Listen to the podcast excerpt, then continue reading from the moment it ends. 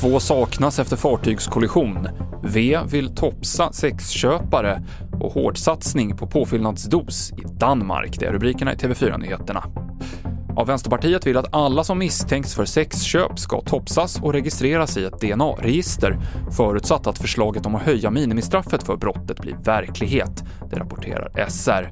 Alla som är skäligen misstänkta för brott som kan ge fängelse får redan idag provtas genom så kallad topsning, som innebär att man lämnar ett salivprov. Det fartyg som kantrade efter en kollision mellan Ystad och Bornholm ska bärgas till Sandhammaren på den skånska kusten, där dykare ska söka efter de två besättningsmän som saknas. Båda de saknade är danska medborgare, säger rederiet till BT.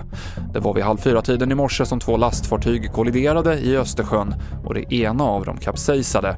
En förundersökning om grov vårdslöshet i sjötrafik har inletts. Och i Danmark så gör omikronvarianten att man hårdsatsar på att ge fler en tredje vaccindos innan nyår. Från och med idag så kan alla danskar som är minst 40 år gamla få en påfyllnadsdos om det har gått fyra och en halv månad sedan dos 2. Och det här innebär att det blir väldigt hårt tryck på vården och man ber bland andra pensionerade sjuksköterskor om hjälp i vaccinationsarbetet. På fredag så är det Svenska hjältar-galan där Aftonbladet hyllar vardagshjältar som visat prov på bland annat civilkurage och medmänsklighet. Årets djurhjälte är besökshunden Lovis som tillsammans med matten och hundföraren Maria hälsar på hos äldre på boenden.